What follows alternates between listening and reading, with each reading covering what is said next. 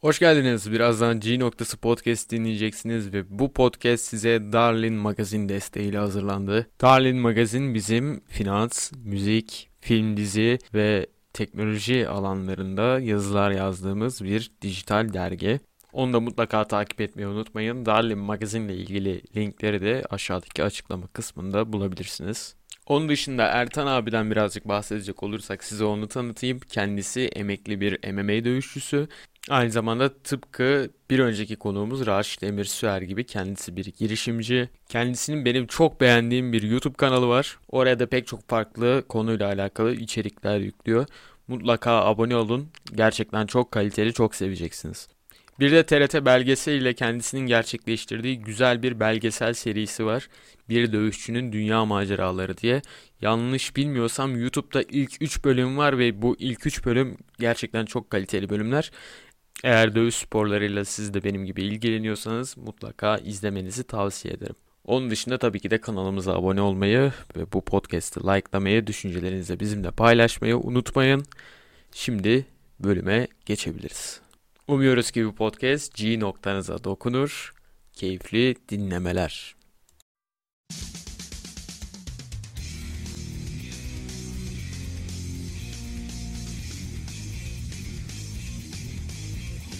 G noktası podcast başlıyor. 3, 2, 1 görüntü de gelsin. Ertan abi seni burada ağırlamak çok güzel. Hoş geldin. Hoş bulduk dostum. Nasılsın? Nasıl gidiyor yeni yıl? Ee, epey güzel bir antrenman yo e, tak yoğunluğuna girdiğini gördüm en son. Evet. Aynen öyle takip etmişsin. Yani Hı hı. sene sonu tabii zor kapandı. Çünkü yani bir işletmem var hatta birkaç tane. O yüzden sene sonları hep zor oluyor, yoğun oluyor. Ama yeni sene her zaman böyle beyaz sayfa, yeni hedefler falan güzel oluyor. Bu sene de çok hedefimiz var. O yüzden e, seneye güzel başladık diyebilirim. Hı hı. Ama özellikle hani e, fiziksel bakımdan çok yoğunlaştığını görüyorum. E, onları biraz öğrenebilir miyim? Yani bu sene kendin için neyi hedefliyorsun fiziksel olarak? Ha, antrenmanlar bakımından. Bu güzel bir soru. Sen analiz etmişsin beni. Şimdi öncelikle ben fit olduğum zaman e, ve sağlıklı olduğum zaman yani her zaman herkese göre fit olabilirim ama kendime göre diyorum.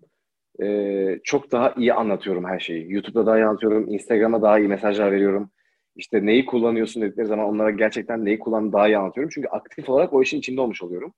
Hatırlamak zorunda olmuyorum. O yüzden ben iyi antrenman yaptığım zaman ve gerçekten çok ciddi forma girdiğim zaman e, inanılmaz enerjim artıyor ve etrafımdaki insanları çok iyi motive edebiliyorum. İşte bu çalışanlar olabilir, e, takipçilerim olabilir. O yüzden herkes, her şeyin kendimle başladığını anladım geçen sene. E, haftada üç gün normal insanlar gibi spor yapmak bana böyle yaramıyor yani gerçekten. O yüzden dedim ki ben yeni yılla birlikte böyle gerçekten çok böyle strict bir diyete gireyim. Antrenman programına gireyim. E, kendimi zorlayayım. Ve bu sayede de aslında yaptığım her şeyi besleyen ana kaynak bu olduğu için böyle başlayalım sene dedim. Ve senin dediğin gibi de aynen öyle başladım yani. Yani sağlam kafa sağlam vücutta olur. Sen direkt Yüzde yüz. tecrübe ettin yani. Çünkü gerçekten ben... Kesinlikle Hı hı, lütfen. sen devam et. Ya kesinlikle e, daha formda olduğum zamanlarda daha iyi çalıştığımı ve ufak şeylerin beni daha mutlu ettiğini hissediyorum. Anladım. Ben de kendimde fark ettiğim bir şey. Ben mesela spor yapamadığım bazı dönemler oldu. Ve şu an analiz ettiğim zaman işte son iki senemi falan ara ara işte bu korona sebebiyle falan yapamadığım Evet. zamanlar hakikaten korona değil ama spor yapamamak benim mutsuzluğumun kaynağıymış. Onu fark öyle ettiğim zamanlar bana. oldu. Evet. Ve Ya birçok gerçekten insan öyle ama fark etmiyorlar bunu biliyor musun? muhakkak ama çoğu insanın da zaten bizim kadar spora tutkusu yok. O da bir gerçek. Başlasalar işte olacak zaten olay o. Çünkü karşılığında bir şey verecek onlara spor. Daha yani daha doğru hormonlar salgılayacaklar, daha iyi hissedecekler, e, daha erken kalkabilecekler, daha rahat uyuyacaklar, karınları az ağrıyacak, enerjileri yüksek olacak. Yani böyle liste gidiyor. O yüzden aslında yapsalar onlar da yaparlar. Çünkü biz de insanız, onlar da insan. Onlar sadece bilmiyorlar bunu belki de. Ya bence insan hayatını değiştirebilecek iki tane çok önemli şey var. Biri spora başlamak, iki mentalite. Yani bunlar çok küçük şeyler aslında baktığın zaman Evet. ama bunların işte e, ne derler beraber getirdikleri insanı o kadar değiştiriyor ve insanı öyle bir geliştiriyor ki e, bambaşka bir hayata sahip oluyor. İnsan sadece iki tane şeyi değiştirerek. Ve bunların çok ciddi bir kesişim kümesi var. Amerika'da şu an zaten Mind and Body Yani aslında zihinsel antrenmanlarla işte ruhunun e, beslemenle ve antrenman yaptırmanla e, bedenini çok iç içe olduğunu, bunların birlikte olduğunu söylüyorlar. E, aslında bunlar birbirini de besliyor. Se- Sen Amerika'da bir süre geçirdin diye biliyorum. Tabii tabii. 9 sene yakın orada yaşadım ve çok da gittim geldim. Hatta oğlum orada doğdu. Ha, Evet. ilginç. Ee, sizin oğlunuzla, daha doğrusu senin diye bahsediyorum abi. Bu Lütfen. benim üzerimde kalmış bir şey. Bazen siz, Lütfen. bazen Senin sen diye bahsediyorum hep e, konuklarıma. Karışıyor. Geçen bölümde de Evet. aynısı olur. Raşit abi kızdı bana hatta. Ya ben Evet. kızmıyorum senin güzel saygından ama sen dersen sevinirim yani. Anladım. Ee, Emir'di galiba ismi. Benim de kardeşimin adı Emir ve aynı yaştalar. Bu, bu da ilginç bir tesadüf. Öyle mi? Evet. Emir yaramaz mı çok? Çok. O zaman bir ortak özellikleri daha var. Evet. Sen bu arada dövüşe de yani dövüş sporlarına da Amerika'da mı ilgi duymaya başlayıp e, yani orada mı yöneldin abi? Be- Benim bildiğim kadarıyla şöyle- senin başlangıç noktan e, Brezilyan Jiu-Jitsu değil mi? Yok değil. Ee, en ana yaptığım branş o. Hı hı. Ama ben Türkiye'de Muay Thai ile başladım 16-17 yaşında. Ama Türkiye'de çok zor yapıyordum bunu. Ee, çünkü işte ailem de çok istemiyordu falan. Sonra Amerika'ya gider gitmez hemen bir kickbox okuluna yazıldım. Orada hem karate yapmaya başladım. Eğer şampiyona katıldım. Hem de e, karate turnuvaları bana yetmediği için kickbox turnuvana girmeye başladım. Bir 6-7 ay sonra. Sonra ben oradayken MMA büyüdüğü için MMA turnuvalarına katılır mısın dediler. Çünkü benim rakibim iptal etmişti. MMA rakibi vardı. Bu dövüşü alır mısın dediler. Tamam dedim yapalım. Ne yapmam lazım? Yer dövüşü öğrenmen lazım dediler. Aslında son öğrendiğim şey jiu-jitsu Hmm. ve güreş tabii ihtiyacım olduğu için. Ama e, şey gibi oldu yani e, hepsiyle çıktım. İle evlendim yani sonunda. Şu an evet Amerika'da da büyük bir jiu-jitsu şeyi var. E, hype'ı görüyorum ben. Yani herkes Evet, yapıyor. Benim takip Aynen ettiğim öyle. podcastçilerin hepsi yapıyor. Yeni yeni işte Evet. bayağı celebrity Keşke Türkiye'de öyle olsaydı ya. Hollywood Biz çok uğraştık falan. yani 15 yıldır ben 2007'de geldim Türkiye'ye bak 15 sene oldu. Ee, ve 2007 yılından beri e, bu sporu büyütmek için her türlü şey yaptım bu ülkede gerçekten. Hocalar davet ettim, seminerler yaptım ama e, kimseyi eleştirmek istemiyorum. Bizim ülkemize yani tabii ki yapanlar var. Çok da iyi yapanlar var. Bizim ülkemize uymadı galiba ya. Şu an milyonların yapması lazım bu spor yani. Ve bizim insanımız böyle pek bunu sevemedi yani. Tabii ki yapan takımlar, çok güzel takımlar var. İyi bir kitle var. Ama bunun çok daha büyük olması gerekiyordu. Benim düşündüğüm kadar büyümedi açıkçası. Halbuki aslında bizim e, insanımız seviyor o tarz sporları yani yağlı güreş diye bir İzlemeyi milli- seviyor. Evet, izle aslında ilginç. E, Evet, ki ilginç. normal hani olimpik güreşte de bayağı başarılıyız. Ama jiu-jitsu'nun Evet. tutmaması ilginç. Yani evet ben daha çok büyüyeceğini zannediyordum ama ne yazık ki büyümedi e, Türkiye'de. E, çok ciddi bir futbol, halı saha işte gibi bir tutku var. Onun dışında triatlon belki güzel bir branş Türkiye'de insanların sevdiği. Belki belli yaşındaki insan tenis seviyor falan ama mücadele sporlarında özellikle kickbox yapıyorlar. Ama böyle boğuşma, yenilme çünkü jiu-jitsu çok meşakkatli bir şey. Yani jiu-jitsu'da ilk 6 ay hep yeniliyorsun. Bir sene böyle elinle kolunu nereye koyacağını bilemiyorsun falan. Enstrüman çalmak gibi gerçekten güzel parça çalmak için zaman istiyor yani bu ve çok ciddi bir sabır. Ee, ben şu an bir enstrüman çalmayı öğreniyorum o yüzden biliyorum. Gizli bu ama. Bir gün çalarsam onu göstereceğim insanlara. Ama e, gerçekten sonunda çok güzel bir şey var. Ama o yol çok zor. Ve o yolu da bence çoğu insan e, sabırla aşamıyor yani. Ya ben daha kolay yapabileceğim bir şey yapabilirim falan diyor. Diye düşünüyorum. Şu an ben de yani kickboxla uğraştığım için son 3-4 aydır falan e, Hı hı. hakikaten gördüğüm şey şu. Türkiye e, bu tarz hani MMA bazına baktığınız zaman striking tarzı sporlarda daha büyük bir talep var. Daha büyük yani Var. daha büyük başarılar var. Benim gördüğüm o. Öyle, öyle. Gerçekten öyle. Türk insanı biraz görselle önem veriyor. Kickbox'ta şimdi görsel var. Yumruk, tekmeler falan. E bunlar dışarıdan çok rahat anlayabildiğin şeyler. Ama Jiu-Jitsu izlediğin zaman Jiu-Jitsu sadece hissedebildiğim bir şey. Ben bazen yaparken yerde ya ne yapıyorsun falan diyorlar. Ama benle birisi antrenman yaptığı zaman baskı uyguladığım zaman abi bir ton musun sen hani 100 kilo değilsin abi bir tonsun falan diyorlar. Hissedilen şey çok farklı ama izlediğin zaman belki çok yavaş geliyor. Görsele çok hitap etmiyor. Jiu-Jitsu'yu yapmak lazım yani. Yaptığın zaman da böyle satranç gibi gerçekten enteresan oyunlar kuruyorsun falan. Rakibinden daha güçsüz olabilirsin. Daha zayıf olabilirsin ama işte yaptığın oyunla kazanabilirsin mesela.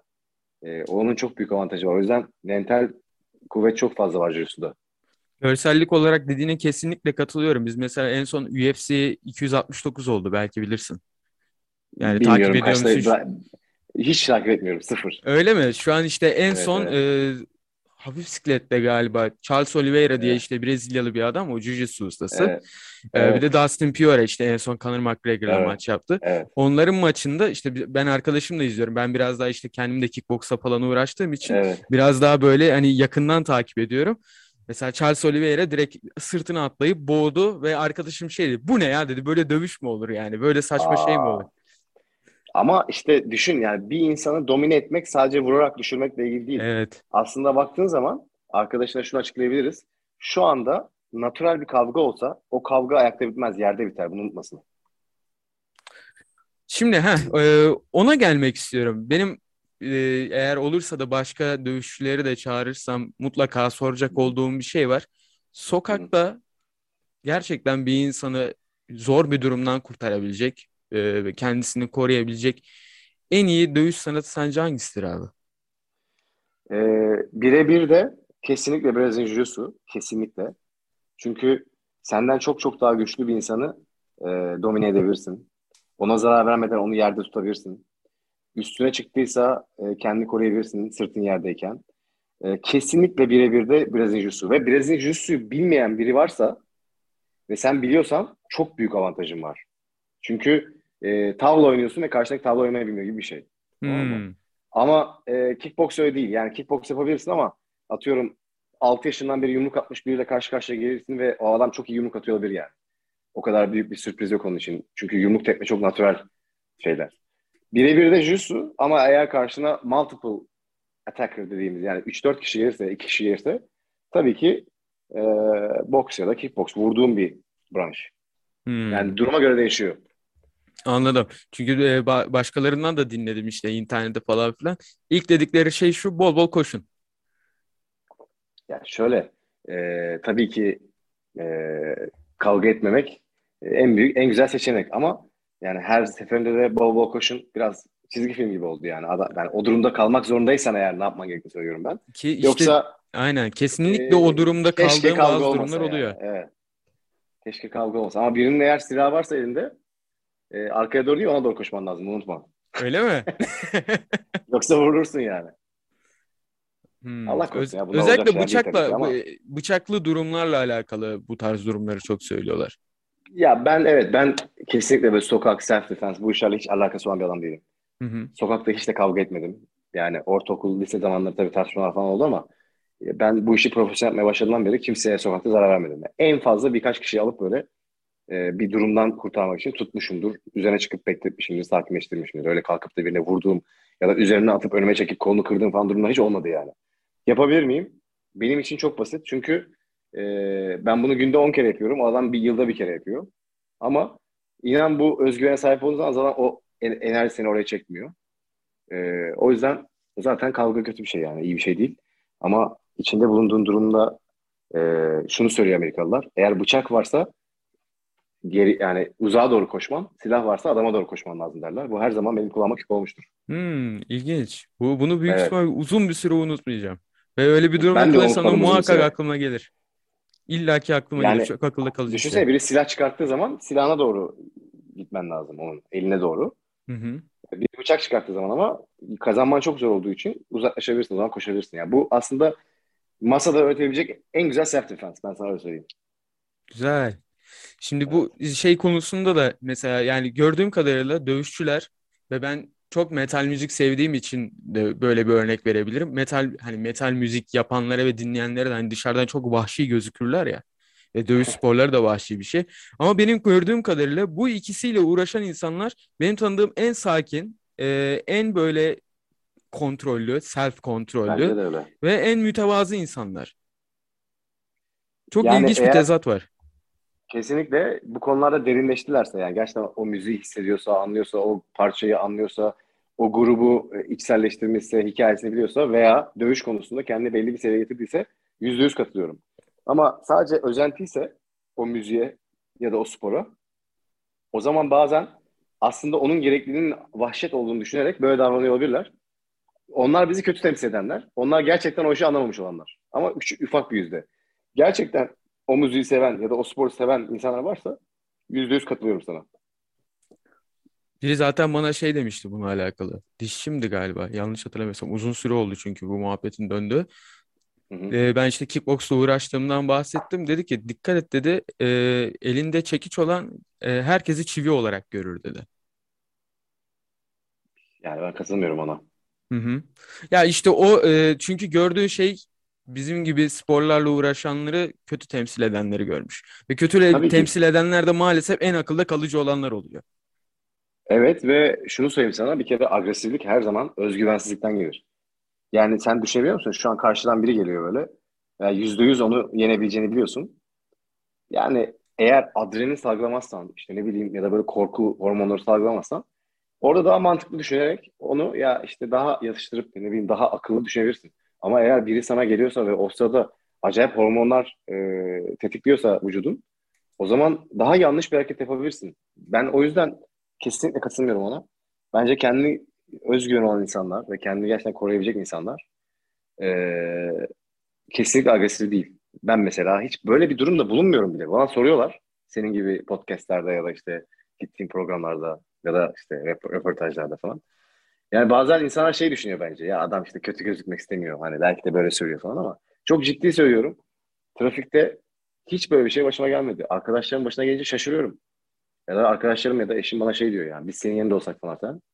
Ya benim önüme biri kırdığı zaman ben artık o ben senin gibi müzik dinliyorum mesela orada ya diyorum şuna bak falan. Yani o kadar sinirlendiremiyor beni o durum anladın mı? Bilmiyorum neden. Antrenman çıkmış oluyorum. E, antrenmanda zaten bütün enerjimi veriyorum ve e, ciddi bir efor sarf ediyorum.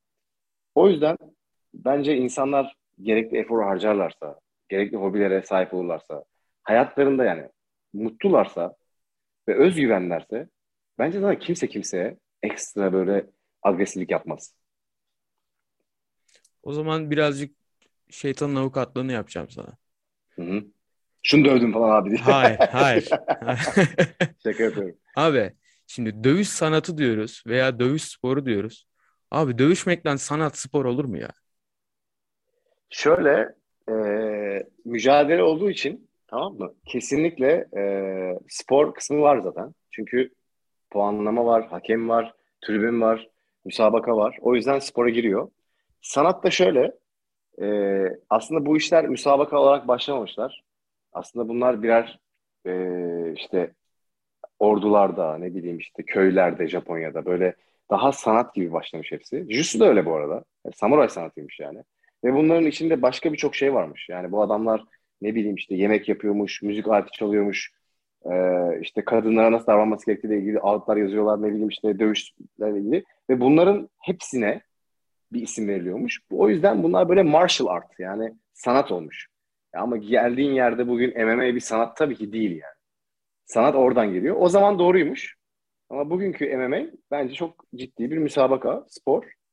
Ee, dövüş sporu yani. Ben sanat kategorisine girdiğini ben de düşünmüyorum. Ha, sanat konusunda o zaman hemfikirsin e, bazı ki. insanlarla. Ama Tabii, tabii, tabii, spor olduğu doğru. Tabii ki. Aynen. Sebebini de anlattım aslında. Çünkü e, genellikle şöyle zannediliyor. Hani iki tane adam ringin içine giriyor, birbirlerinin kafalarını patlatıyorlar. Evet. Son derece vahşi. Hiçbir işte sportmenlik yok. Hiçbir ortada hani nasıl diyeyim pozitif duygu yok. Ee, aynı maçta mesela hani az önce bahsettiğim sana aynı maçta Charles Oliveira Dustin Evet. Poirier maçında e, bir işte hani maç bittikten sonra kameralarla giriyorlar ya hani işte koçlarla hani işte son durumlarını öğreniyorlar falan filan. Orada Dustin Poirier'in bir e, şeyi var, organizasyonu var çocuklara yardımcı olduğu, yetim çocuklara bildiğim kadarıyla. Ve Charles Oliveira'nın da geldiği yerde bu tarz durumlar çok yaşanıyor. Çünkü bildiğim kadarıyla Brezilya hakikaten fakir bir ülke. Çok. Hı hı. Sen Ee, gittiğin yani- için de biliyorsundur. Tabii üç kere gittim. Ee, şöyle söyleyeyim sana. Biraz da dövüştüm de aynı zamanda. Sadece gitmedim. Hatta dövüştüğüm mahallede taksiden inecektim. Adam bana dedi ki turist misin dedi. Evet dedim. Ya bence bu mahallede inme dedi taksiden. Oo. Adama dedim ki ben buraya dövüşmeye geldim ya. Adam dedi ki dövüşmeye mi geldin? Bence o zaman hiç inme dedi. Sonra ben indim böyle bir indim taksiden baktım herkes bana bakıyor. Hızlıca stada girdim. Yani e, var tecrübem var bu konuda ama e, sen tam olarak ne sormuştun özür dilerim. Bir- Demin bir şey sordun onu atladım ben. Brezilya dedin. Yo hani dilerim. şeyden bahsediyordum. Hani konuştuğumuz şeyin üzerine e, e, bahsediyordum aslında. Hani Ha, orada bir dövüşçülerin, dövüşçülerin, Aha. dövüşçülerin, özür dilerim, dövüşçülerin e, böyle insan olmadığı. Yardımlar dışında ben sana şundan bahsedeyim. E, Bazen böyle unutuyorum kusura bakma ya. Bu dövüşçülükten geliyor olabilir. yo yo yok. Ee, Benim de kafam çok karışık. Şimdi- Ben de ne konuştuğumu çok unuturum. Lafın Evet, evet. ortasını unuturum Ee, yani. Evet evet ben de öyle. Şimdi şöyle bir şey var mesela sana şöyle örnek vereyim. Ee, diğer sporları eleştirmeyeceğim ama baktığın zaman sporcular mesela bazı sporlar çok birbirlerine karşı agresifleşebiliyorlar bütün maç boyunca. Ama dövüşçülerin %99'u farkındaysan maç sonunda gelip sarılıyorlar. Veya ben çok dövüş maçında gördüm. Gerçekten adam mesela kötü durumda adam vurmuyor. Çünkü kendine orada empati yapıyor. Diyor ki ben de olabilirdim diyor falan. Ben dövüştüğüm herkesle soyunma odasında sarmaş dolaş arkadaş oldum. Her seferinde. Hala görüştüğüm insanlar var. O yüzden yani bu kadar brutal, bu kadar kötü insan diyemez kimse. Bunu diyenler bunu bilmiyorlar yani. Ee, şey bu. tamamdır. Şeyi sormak istiyorum sana. Şimdi benim gördüğüm kadarıyla senin MMA rekordunda şu an önümde de açık. 5 maçın var abi, Hı. doğru mu? Yok benim e, 8 maçım var ama Sherdog'da yazan 5 maçım var. Ha, Onun ha, da en büyük sebebi Hakikaten ba- o, evet, o, o, o açıkmış önümde de. tabii. E, çünkü o zaten e, şey bir şey yani e, dünya standartında bir şey. Onun sebebi de aslında ben profesyonel maçlar yaptım ama o maçlarda e, o turnuvalar Sherdog'la anlaşması olmadığı için oraya rekord girmediler. E, ve birçok maçında ben ba- başlamadan önce bize telefonla çekmemize izin vermediler. Dediler ki biz işte bunu şey yapacağız falan ama bunlar entertainment olduğu için bazı izinler olmadığı için ya biz gidip dövüştük ama bunların kayıtlarını alamadık. O yüzden toplam 8 maçım var. E, ama evet Sherdog'da 5 tane maçım var. Ee, şu an gördüğüm kadarıyla bunların içerisinde de yani YouTube'da izlenebilecek olan bir tek Jetmir Emruli maçı. Ya ben abi. bütün maçlarımı kaldırdım. Yok Duşan maçı da var. Ee, ilk maçım da var. Ee, ilk maçım Cover ne miydi soyadı? Covington. Covington. Onun, o da var YouTube'da. Ee, ondan sonra başka Vitali maçı da var. Dört maçım var aslında internette ama ben ben paylaşmıyorum yani başka yerlerde var, başka kaynaklarda var. Ben onları hiç bulamadım yani. En son podcast'ten önce hatta bugün de baktım. Evet. Sadece Jetmir Emruli maçı Evet. var. O da hakikaten senin döktürdüğün çok ko- e, kolay değil tabii ki de. Yani orada çok büyük emek Evet. var da hızlı bir şekilde işi bitirdin. Çok güzel bir maç. Yani gurur Ya, verici bir maç bizim kırık. açımızdan. Sağ ol. Ee, ben sana gönderirim. Duşan maçı da çok felaket maçtı ve 3 round dövüştüm. Duşan maçında Sırbistanlılar benden nefret ediyordu ve 3 round boyunca dövüştük ve artık adam e, beni ayağa kaldırdı bütün tribünler akışırdı falan. Böyle 15 dakika boyunca birbirimizi dövdük. E, orada kaybettiğim bir maç ama aslında izlersen maçı yani 3 round boyunca adama saldırıyorum ama tabii ki Sırbistan'da adamı bitiremediğim için puanla kaybettim maçı. Vitali Bigdaş maçı da çok dramatik. E, aslında iyi gidiyordu ama işte Aşil tendonum kopmak şeyine geldi ve bırakmak zorunda kaldım. E, Zetme maçının hızlı bitmesinin sebebi şu. E, kaburgam kırıktı. İki hafta önce kaburgam kırıldı. Maçı iptal etmek istemedim çünkü çok iyi hazırlanmıştım. E, Jetmir de benim kaburgamın kırık olduğunu bir yerlerden duymuş. Hadi ya. Ben maça çıkar çıkmaz o maçı bir daha izlersen eğer orama tekme attı. E, ve ben iyice böyle oram ısındı falan. Tamam dedim yani bu ikinci rounda ben çıkamayacağım dedim. E, çünkü çok ağrımaya başladı kaburgam. O da o haberi almıştı. E, dedim ya ben bu maçı ya dedim hemen bitirmem lazım ya da kaybedeceğim yavaş yavaş. O yüzden biraz hızlı bitti. Vay be. Hiç böyle bir hikaye çıkacağını tahmin etmemiştim ondan. Çok Evet abi. havalı. Eyvallah sağ ol yani havalı olsun yapmadım ama sonu havalı oldu galiba. Yani tabii ki yani kaburgan kırıp acilen bitirmem lazım deyip ondan sonra bitirip Evet. yenmek yani herkesin yapabileceği bir şey değil abi bence. Eyvallah sağ ol teşekkür ederim. Dövüş dövüş kariyerinde peki seni yani böyle sakatlık dışında en çok zorlayan şey ne oldu? Bir şey daha sormak istiyorum bir de. Sence eğer dövüş sporunda yani şimdi çok sakatlığa açık bir şey ya. Hakikaten bir Evet. yerlere gelebilmek sakatlanmadan çünkü bazı sakatlıklar artık kariyerlerin bitmesine sebep oluyor. Evet. Biraz şans mı sence? Bence biraz şans çünkü. Değil, bence değil. Şöyle değil. Tabii ki şans illaki faktördür yani sana katılıyorum. Yani şanssızlık olabilir anladın mı? Hani bunu kimse kontrol edemez. Ama bu şanssızlığın yüzdesini çok düşürebilirsin doğru antrenman yaparak, doğru antrenman partnerleri, doğru antrenörle. Yani ben bazen mesela internette videolar görüyorum. MMA antrenman yapıyoruz falan diye. Ben garanti ediyorum sana onların çoğu sakatlanacak yani. Çünkü yani bu şeye benziyor. E, halı saha maçı yapıyorsun. Şimdi bilmeyen biriyle. Bir de halı saha maçı yapıyorsun. E, çok iyi bir futbolcuyla yani. Kim seni sakatlar büyük ihtimalle? Büyük ihtimal bilmeyen sakatlar. Bilen de sakatlayabilir ama yüzdesi olarak bilmeyen sakatlar. O yüzden e, bilinçli antrenman yaparsan sakatlanma yüzden düşük. E, ama ne yazık ki yani Türkiye'de de bu sporu yapıyorsan okul sayısı, partner sayısı çok az yani. Tabii Amerika'da bir gidiyorsun, bir giriyorsun içeri 150 tane adam var, 50 tanesi UFC'de dövüşüyor. Şartlar aynı değil yani. Bundan önce neyi sormuştum? De, e, en zor en zor e, anını sormuştum sana dövüş kariyerinde. Ya en zor anım şu. E, Sırbistan'da maça çıkmadan önce çok zorlandım. Çünkü gerçekten 15-20 bin arası bir Sırp seyirci vardı o statta. Ve Türkiye'den geldiğim için e, beni çok sevmiyorlardı. Biz tabii e, Osmanlı olarak her yerde savaş yapmışız. Ha, bir Bana ırkçılık söz önce- konusuydu orada yani. Evet, Geçmişten evet, gelen evet, bir şey var. Öyleydi. Bir de bana bir gazeteci soru sordu yani. İşte dedi Karadağ'da e, savaşmış Osmanlı işte falan. Bununla işte Duşan dedi bunun şarkısı çıkacak falan. Ne düşünüyorsun bu konuda? Ya ben dedim ki tabii ki savaşmıştır Osmanlı. Ben duydum bu savaşı ama hani biz o kadar çok yerde savaştık ki yani. O kadar da önemli değil bizim için dedim o savaş yani anladın mı? Hani çok savaş var dedim yani. Kötü bir şey söylemedim aslında. Yani şimdi sana sorsam o savaşın detayını bilebilir misin? Tarih bi- bilen biri olarak. Hayır yani biz İstanbul'un fethinden bahsediyoruz. Bilmem bahsediyoruz. Yani Sırbistan'daki o savaş onlar için Kurtuluş Savaşı bizim için bir, bir savaş yani. Bunu söylemek istedim. Ee, gazetede de böyle fotoğrafını koymuşlar falan ve kötü bir şey almışlar yani tamam mı böyle. Abi adamlar bir gaza geldiler. Bütün stat bize yuvluyor falan. Köşe adamların falan böyle oturuyoruz odada. Yani çıkmasak mı falan diyorlar bana yani. Hakikaten çok kötü bir durum. Ee, çok heyecanlandım ya. Benim burada ne işim var dedim ya. Ben bana buradan canlı çıkacak mıyım falan dedim yani bir ara. O zor bir andı. Ama unutulmaz bir andı ya. İyi ki yaşamışım yani. Bu anlar insanı geliştiriyor, olgunlaştırıyor. Güzeldi yani. Ama spor Hatta adına köşe adamım köşe adamımın karaciğerine kramp girmişti. Ben maça çıkacaktım. Onu yetiştiriyordum. Yat- yat- Yatıştırıyordum. İyi misin falan diye. Ve kramp girmişti heyecandan. Spor adına çok talihsiz bir şey ama. E, tabii ki. Tabii ki. Ama dövüş seyircisi Avrupa'da öyleydi yani. Amerika'da biraz daha bilinçli ama Avrupa'da o zamanlar MMA yeni olduğu için Hı hı. biraz daha böyle savaş böyle falan diye bakıyordu. Avrupa'da hala MMA tam oturmadı yani. Hala. Ama o zaman hele hiç yoktu. Ama Amerika'da da hala şey diyorlar, underpaid diyorlar e, MMA dövüşçüleri için. Yani tamam belki izlenme olarak şey olabilir ama galiba e, şöyle bir şikayet var. Yani hak ettikleri parayı kazanmadıklarını düşünüyorlar MMA dövüşçülerine. Valla bence dünyanın en iyi atletleri MMA atletleri ve e, hayatlarını risk ediyorlar. Hayatlarını değil de yani vücutlarını, bedenlerini. E, yani bir NBA oyuncusunun, bir NFL oyuncusunun ne kadar kazandığını görürsek eğer e, bence de MMA e, dövüşçüleri çok underrated ve underpaid yani dediğin gibi. Yani az para kazanıyorlar hak ettiklerinden bence de. Hele Avrupa'da, Türkiye'de dövüşçüler yani bahsetmek bile istemiyorum yani. Üzerine para verenler falan var dövüşmek için. O o derece. Evet, tabii. En son bir video gördüm galiba. Bir belgesel tarzı bir kanal var. O şey yapmış. Bir Muay Thai dövüşçüsü ya daha doğrusu Muay Thai Evet. kökenli bir dövüşçü.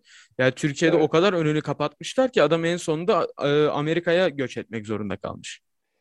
Yani ne yazık ki Türkiye'de olan çok iyi dövüşçüler kendine güveniyorlarsa e, göç ediyorlar. Yani bizim mesela Yusuf Karakaya bizim hocamızdı. Ben onun MMA antrenörüydüm.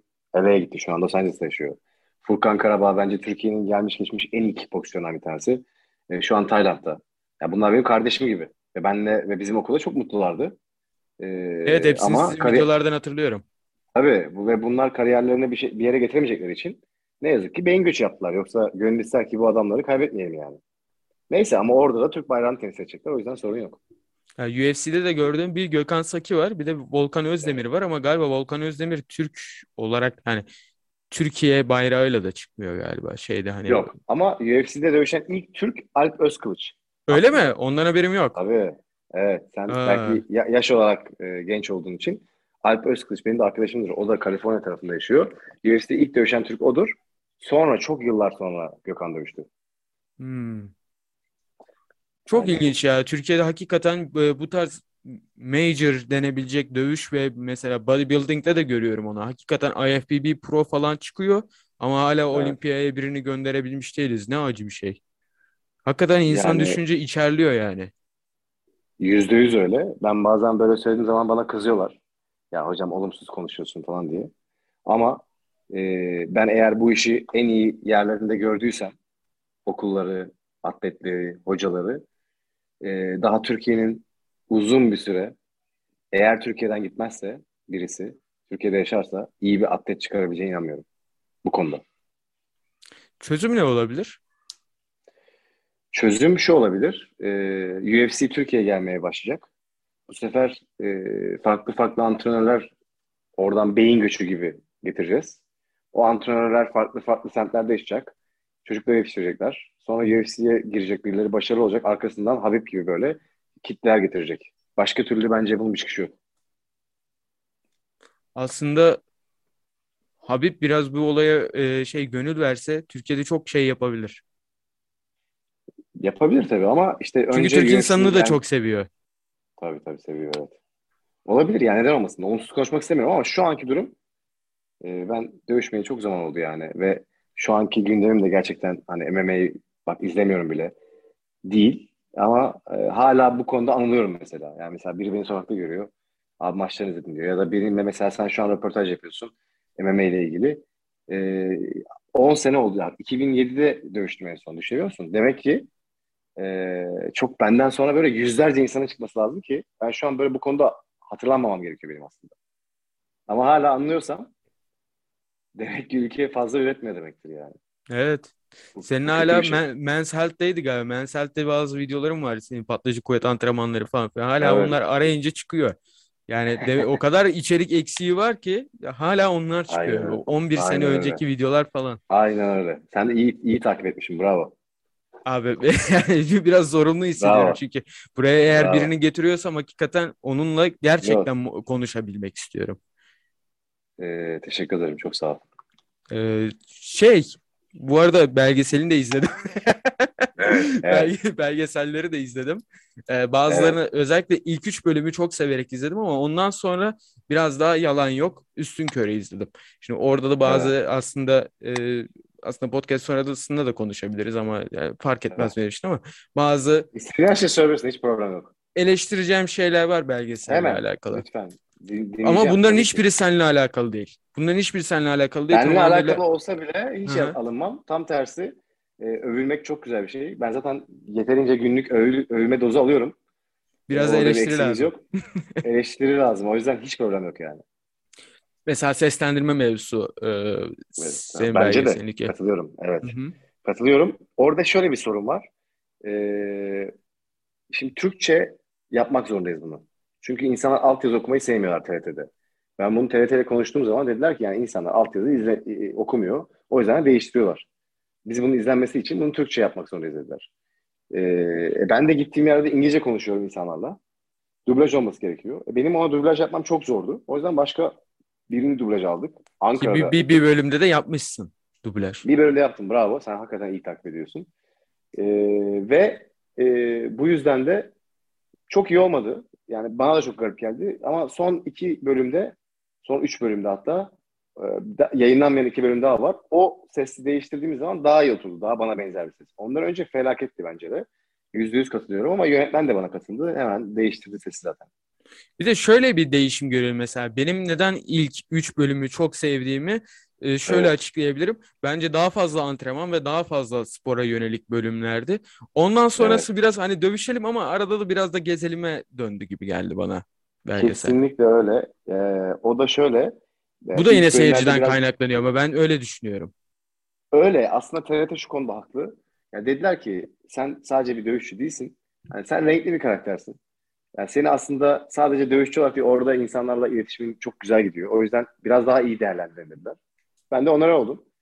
Yani daha fazla insan izleyecekse ve bu sizin için daha iyi olacaksa bunu bu şekilde yapalım dedim.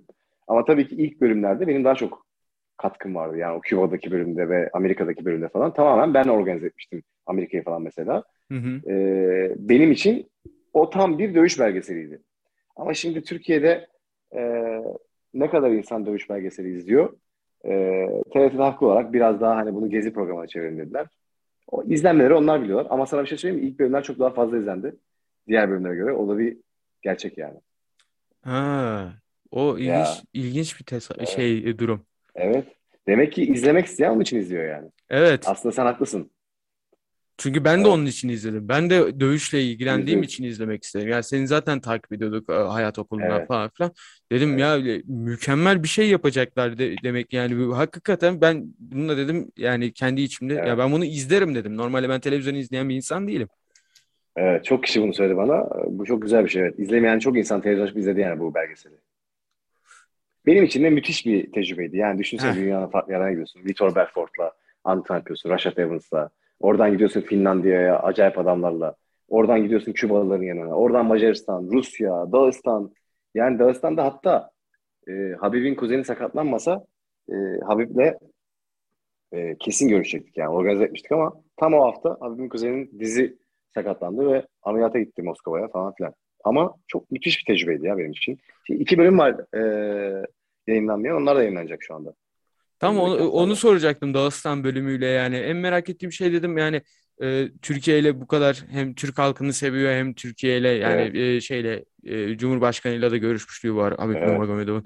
Dedim Allah Allah ya, belgeselde niye yok acaba? Meğer demek böyle bir Ya durumdaymış. Habib'e ulaşmak çok zor. Yani Hı hı. kuzenine, amcasına bile Habib'e bunu sorar mısın dediği zaman ya ben Habib'e bunu soramam falan diyorlar. Çünkü artık o kadar çok şey gitmiş ki adama herhalde. Adam demiş ki ya bana artık bir şey sormayın. Anlıyorum bu arada olabilir. Ee, ama biz bir şekilde ulaştık ve aslında onay aldık. Ee, İslam evleniyordu. Tam onun düğüne denk getirdik ki Habib de oraya bir haftalık Dağıstan'a gelecek diye. Ama işte sonra kuzeni sakatlanınca çapraz bir ameliyatı oldu. Moskova'ya gitti. Ve iptal etmek zorunda kaldık yani. İslam dediğin şey. İslam Makaçev mi? Aynen. Ha, anladım. Onu denk getirdik falan. Hayırlısı dedik yani. Çok istedik biz de. Evet. olacaktı yani. Ve hakikaten o milyonlar izlenirdi işte o bölüm. Evet, evet, evet, evet, evet. Ne yazık ki. Olsun. Vardır bir hayır. Ben biraz hakikaten bu konulardan Khabib'in bıktığını da düşünüyorum evet. Bıktı bıktı evet. Aynen. Bence de. Hak veriyorum adama ya bu arada. Özellikle Conor dövüşüyle beraber biraz karanlık Yani yüzünü evet. gördü sanki UFC'ni veya dövüş sanatlarını Ee, veya öyle izleyicilerin ve- gibi. İzleyici ve öyle ve ihtiyacı yok. Ha, bu adamın ihtiyaçları çok şey. Limitli yani. Ee, bence mutlu kendi sade hayatında. Evet, hala daha doğduğu, büyüdüğü evden işte taşınmaması, daha lüks bir hayatı tercih etmemesi, hala yaşadığı yerde, yani Aynen. doğduğu yer Maaşkalı'da. İlginç. Değişik bir adam ya. Evet. Evet değişik bir Ve adam. 29'a 0 ne demek ya? Normal 29'a değil. 0. Kesinlikle normal değil. Evet. Ya- Muhammed'e gibi bir şey işte. Kesinlikle. GOAT'lardan bir tanesi. Bence bir tanesi işte. Yani bence tek bir tane şey yapamaz. Çok benim de çok sevdiğim dövüşçüler var. Senin de onlardan bir tanesi Vitor Belfort'ta bildiğim kadarıyla. Onunla mesela onunla bir antrenman yapabilmek abi senin için nasıl bir şeydi? Daha Şöyle önceden bir görüşmüşlüğün var mı bu arada? Daha önceden Hayır. görüşmüşlüğün var mıydı? Hayır. Aa, Ben sana şöyle söyleyeyim. Bak Vitor Belfort benim MMA başlamamdaki sebeptir. Ben o adamı izledim Tank Abbott'la maçını. Gençliği zamanları ama. Bu böyle patladı böyle pa pa pa pa pa dövdü falan yerde armbarlar falan filan ground and pound. Dedim bu ne ya? Bu harika bir şey yani tam bana göre. Ee, ve hayranıydım yani Vitor Belfort'un. Kaybettiği maçlara falan çok üzüldüm yani. Neyse ben sonra Amerika'da Volkan Özdemir sayesinde e, Henry Hooft'la iletişime geçtim. oradaki şey Ee, Hollandalı kickbox koçuydu. Aynen. O okulun o okulun sahibi zaten o. Ha onu bilmiyordum. Tabii bütün bütün dövüşlerin de menajer ve e, hocası. Sonra gittim ilk gün dedi ki bana Henry ya bir şey konuşmamız lazım. Ne oldu? Ya dedi ben dedi sana söz verdim. Biz o çekimi bir hafta yapıyoruz. Ama dedi ben bir hafta burada olamayacağım. Ben bugün buradayım. Yarın gidiyorum dedi. Dedim Henry 8 kişi geldi Türkiye'den TRT ekibi. Yani oteller, uçaklar hani anladın mı nasıl prodüksiyon?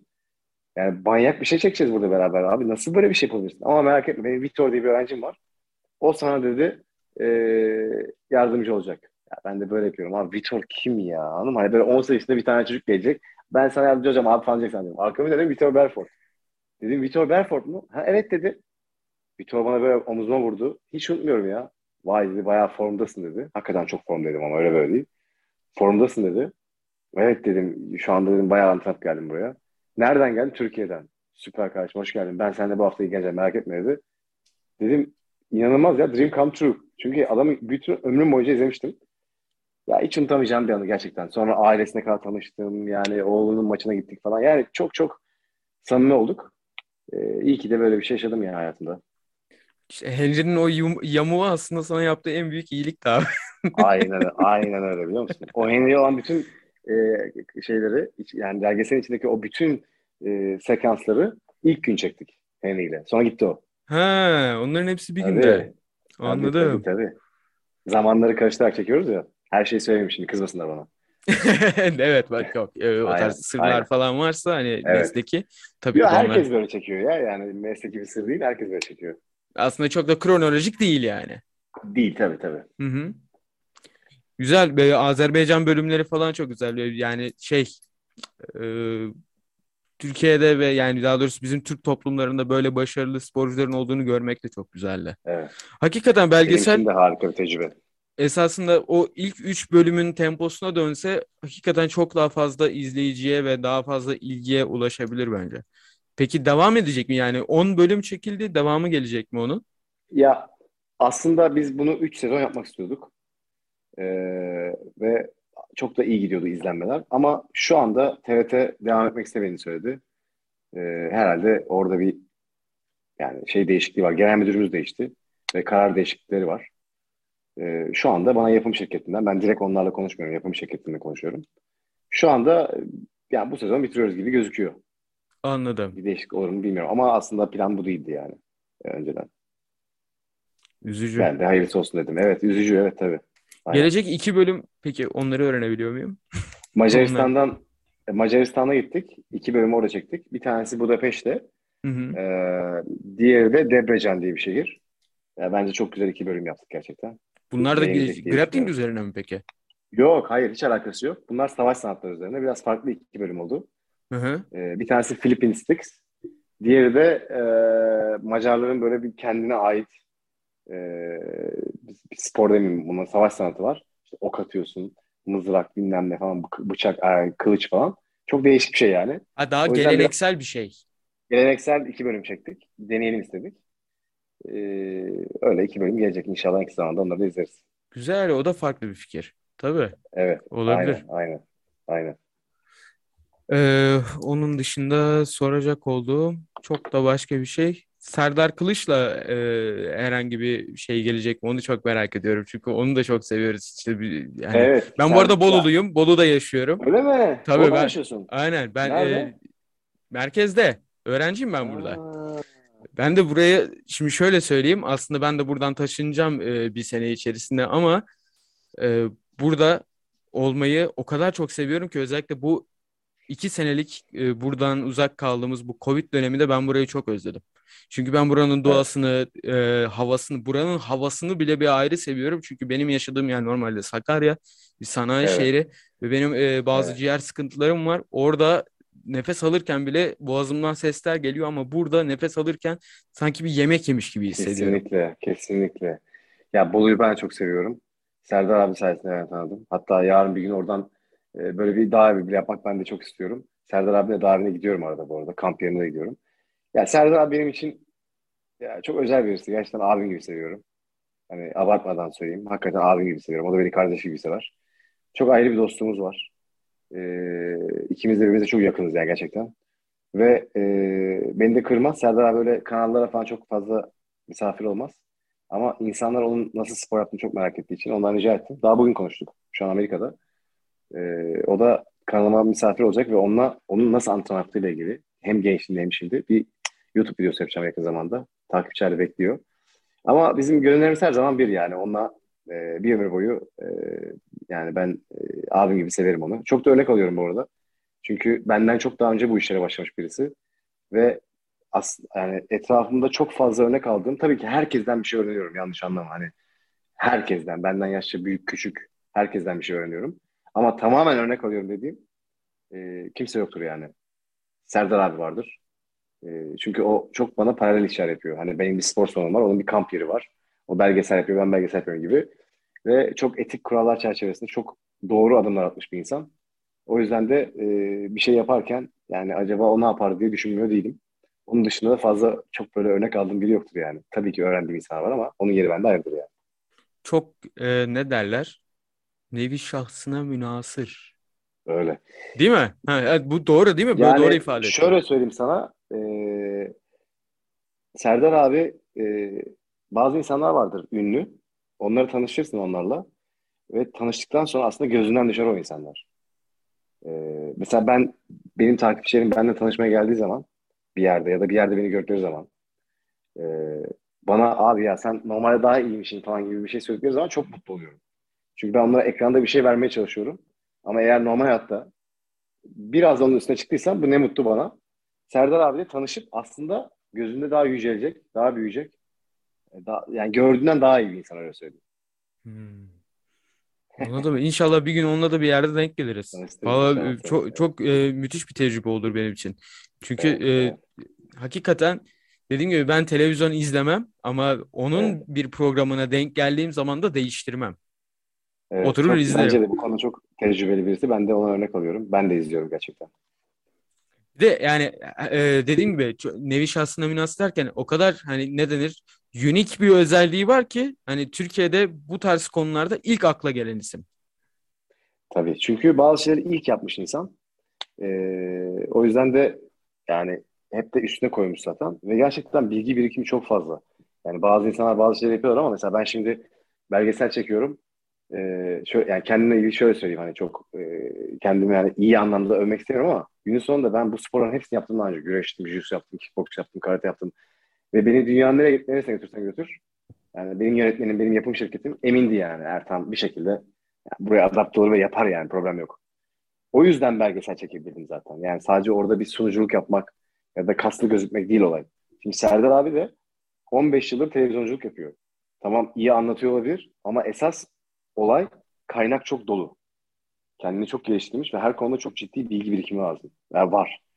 O yüzden de insanlar aslında dışarıdan görüyorlar diyorlar ki ya ben de yapabilirim. Ama önce kaynağın çok sağlam olması lazım.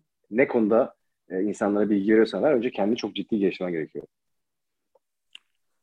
Evet, o zaman abi ben senin daha fazla vaktini almayayım. Zaten bir saat olarak görüşmüştük. Sadece şunu sormak istiyorum. Son olarak insanlar sana ne- nasıl ulaşabilirler? Yani nereden seni takip edebilirler? Onları da bir alalım.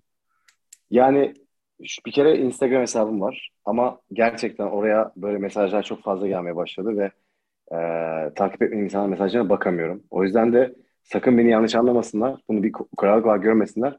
İlk başlar bunu yapmaya çalıştım ama yönetemedim. E, ama YouTube videolarını e, altına gelen yorumları şu anda yönetebildiğim için tek tek okuyorum gerçekten hepsini. E, bazen cevap da veriyorum. Yani Instagram'dan ve beni YouTube'dan takip edebilirler. 2022 senesinde gerçekten YouTube'la ilgili çok çok güzel içerikler yapmak istiyorum. Çok motiveyim bu konuda. Yani çok fazla ayrı işlerim var. Ama e, şu an en motive olduğum ve en çok büyütmek istediğim konu bu.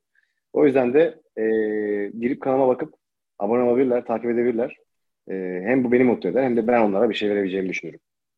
Anladım abi. Tekrardan o zaman seni e, konuk edebildiğim için yani geldiğin için vaktini ayırdığın için çok teşekkür ederim.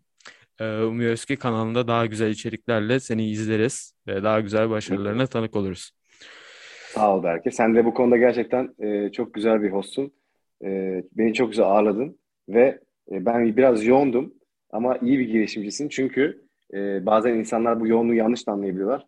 Ben o yoğunluğun içinde bir şekilde sana haftaya haftaya dedim ama sen peşini bırakmadın ve bu işin peşinden gittin. Ben dedim ki bu adam kararlı. O yüzden e, kusura bakma biraz erteledim ama e, bu işi de yapacaksan mutlaka böyle yapmalısın. Peşinden gitmelisin. E, o yüzden ben de seni tebrik ediyorum. Çok teşekkür ediyorum abi güzel yorumlar için. Çok sağ ol. O zaman O zaman bölümü kapatıyoruz. Görüşmek üzere. görüşmek üzere.